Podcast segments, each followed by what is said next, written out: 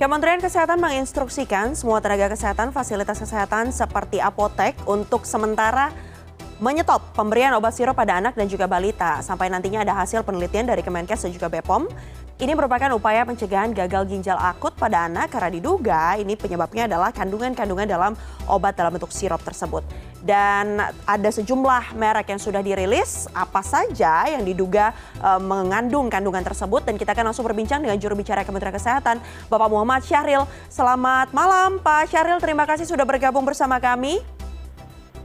Ya, selamat malam Mbak Mais. Iya ya, Pak, selamat ini. malam para pemirsa semuanya. Iya Pak Salam Syahril, salam sehat Pak. Ini menjadi satu apa ya Pak ya satu hal yang dikhawatirkan sekali oleh sejumlah pihak. Uh, mungkin kita akan mulai dengan perkembangan terlebih dahulu penelusuran dari penelitian Kemenkes dan juga BPOM seperti apa Pak Syahril? Merek-merek apa saja yang kemudian dinyatakan belum aman atau tidak aman untuk dikonsumsi saat ini? Oke, terima kasih. Jadi kejadian ini yang sangat viral dalam beberapa hari ini merupakan keprihatinan bersama ya bangsa kita ya baik terhadap jumlah kasus maupun kematian dan juga berdampak kepada obat ya. Nah, eh, kami ingin menyampaikan dulu ya, jadi gagal ginjal akut ini salah satu penyebabnya karena adanya intoksikasi ya atau keracunan di makanan, minuman atau eh, obat-obatan yang dikonsumsi ya, di, di selain eh, infeksi maupun dehidrasi. Nah, eh, dalam penelitian awal sudah ditemukan oleh eh, tim yang dibentuk oleh Kementerian Kesehatan tetapi ini belum selesai akan dilakukan penelitian lebih lanjut ada eh, dugaan zat-zat ya senyawa yang ada di eh, obat sirup atau obat cair itu mengandung eh, campuran yang bisa menyebabkan keracunan tadi. Ini berkaca atau belajar dari Gambia, Afrika Barat, di mana kasus kematian gagal ginjal pada anak juga berhubungan dengan obat yang dikonsumsi mengandung eh, dietil glikol maupun etilen glikol. Nah, sehingga di Gambia itu melarang peredaran itu dan menyetop termasuk impor obat itu. Tapi obat itu tidak ada beredar di Indonesia dengan jenis yang sama. Hanya saja campurannya yang menyebabkan uh, obat itu menjadi sirup sebagai pengencer itu juga ada kandungan diethylene glikol maupun ethylene glikol. Nah untuk itu pemerintah melalui Kementerian Kesehatan mengambil langkah uh, konservatif untuk mencegah uh, tambahnya uh, orang apa anak-anak yang sakit bahkan meninggal. Ini adalah upaya dalam menyelamatkan uh, anak-anak kita dengan maksud jangan terjadi korban lebih lanjut. Ya, nah sementara uh -huh. uh, penelitian tetap berjalan, Mbak ya. Nah larangan penggunaan ya jadi kementerian kesehatan itu melarang penggunaan ya kepada ke tenaga kesehatan jangan dulu pakai obat-obat ini karena ada kemungkinan dugaan menyebabkan intoksikasi tadi mm-hmm. begitu juga kepada apotek kita minta untuk uh, tidak menjual dulu obat-obat itu sementara sampai penelitian nanti akan diumumkan lebih lanjut. Oke, uh, Pak. Tapi kalau kita bicara tadi adanya kandungan etilen glikol dan dietilen glikol, itu sebenarnya berarti uh, satu bentuk kecolongan hingga akhirnya ada dua kandungan uh, tersebut yang nilainya di luar batas atau seperti apa Pak? Jadi uh, memang di etilen glikol dan etilen glikol ini adalah zat yang yang yang berbahaya ya, yang mengandung satu zat yang dapat menyebabkan intoksikasi hanya saja tentu saja ada pengaturan kadar-kadar yang dibolehkan dan kadar-kadar yang tidak dibolehkan. Nah inilah ranah dari Badan POM, Badan Pengawas Obat dan Minuman. Karena badan inilah yang memberikan kajian-kajian untuk memberikan izin peredaran, izin produksi bagi perusahaan dan sekaligus ngawasi ya sama obat itu beredar, apakah zat-zat itu tetap aman bagi uh, masyarakat yang mengkonsumsi obat-obat tersebut.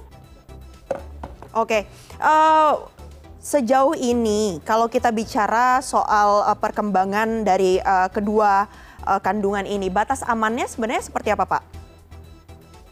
Nah, ini secara teknis sekali, ini ada di Badan POM ya. Saya, uh -huh. kira, uh, saya kira kami tidak akan uh, menyampaikan itu. Memang uh -huh. sudah ada aturan kadar-kadar dan presentasi semua zat yang dibolehkan dan tidak dibolehkan. Oke, uh, penelusurannya saat ini berfokus pada apa Pak Syahril kalau boleh tahu? Nah, jadi penelusurannya yang pertama dari uh, surveillance namanya ya. Jadi semua pasien-pasien termasuk yang meninggal itu diadakan surveillance ya, penyelidikan epidemiologi oleh tenaga-tenaga kesehatan untuk mengetahui riwayat penyakit sekaligus riwayat-riwayat obat-obat apa yang dikonsumsi sebelum dia sakit atau sebelum dia meninggal. Itu satu.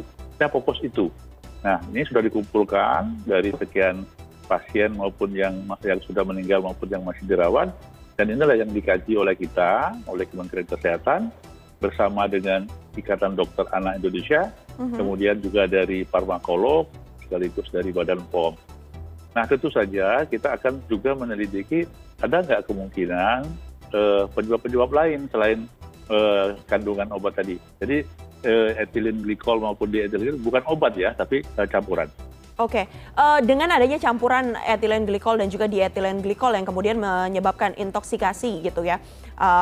Dalam halnya ini menyebabkan juga gagal ginjal akut, diduga menjadi penyebab dari gagal ginjal akut pada anak begitu Pak Syaril. Kalau secara data Kemenkes ini sebenarnya sudah di uh, temukan atau terdeteksi itu sejak kapan sih Pak? Apakah ini artinya luput pengawasan dari BPOM terkait dengan adanya kandungan-kandungan ini hingga akhirnya obat dijual bebas, dikonsumsi dan berdampak fatal Pak? Uh, jadi memang untuk uh, produksi, distribusi atau peredaran dan penjualan itu ada di Badan POM ya. Nah untuk di Kementerian Kesehatan ada sebagai pengguna. Nah baru kita lakukan pengkajian lebih dalam, begitu adanya peningkatan kasus termasuk juga eh, banyaknya eh, anak-anak yang meninggal yang karena gagal ginjal ini. Itu dilakukan penelitian sehingga eh, kita menjurus salah satu dugaannya adalah konsumsi obat yang mengandung bahan kedua bahan tersebut. Oke, uh, selanjutnya kalau sudah ada um, pelarangan begitu ya Pak ya terhadap konsumsi obat-obatan, obat sirup ini yang diduga memang mengandung uh, kandungan tersebut hingga akhirnya menyebabkan uh, dugaannya penyakit gagal ginjal akut pada anak. Ketika kemudian seorang anak sakit, apa kemudian imbauan Kemenkes yang bisa disampaikan kepada pihak orang tua uh, dan juga pihak dokter begitu untuk memastikan bahwa pengobatannya masih tetap bisa berjalan, Pak? Sebagai alternatif obat Jadi sampai, oke, okay. mulai saat ini, mulai kemarin itu uh, pelarangannya adalah sementara ya ditujukan kepada seluruh eh, dokter dan fasilitas pelayanan kesehatan dan juga kepada apotek. Nah, tunggu hasil penelitian nanti, apa pun hasilnya akan kita publish dan sekaligus ada kebijakan-kebijakan pemerintah yang tentu saja melibatkan seluruh yang terkait untuk diambil langkah-langkah. Nah, oleh saat ini kepada orang tua masyarakat, kalau ada anak yang demam atau diare, maka untuk tidak selalu langsung memberikan obat sendiri atau beli obat sendiri, tetapi berkonsultasilah kepada dokter atau fasilitas pelayanan kesehatan. Di sana tenaga kesehatan yang akan memberikan suatu uh, arahan atau pengobatan mana yang memang aman bagi anak-anak. Nah untuk sementara yang kalau hanya panas uh, sedikit itu bisa dilakukan dengan kompres hangat, minum air putih yang banyak, ya gitu, istirahat yang cukup sehingga anak itu bisa dengan apa namanya antibodinya dia bisa uh, mengendalikan keluhan yang ada. Terima kasih atas informasinya Pak. Kita akan tunggu nanti seperti apa perkembangannya. Uh, terima kasih Bapak Muhammad Syahril, Jubir Kementerian Kesehatan. Kita akan update seperti apa karena memang diharapkan bisa diketahui segera penyebabnya apa, bisa diatasi karena ini sudah uh, mengancam atau bahkan sudah merenggut nyawa anak-anak dan juga balita di Indonesia. Ya. Terima kasih banyak Pak Syahril. Terima kasih. Salam sehat.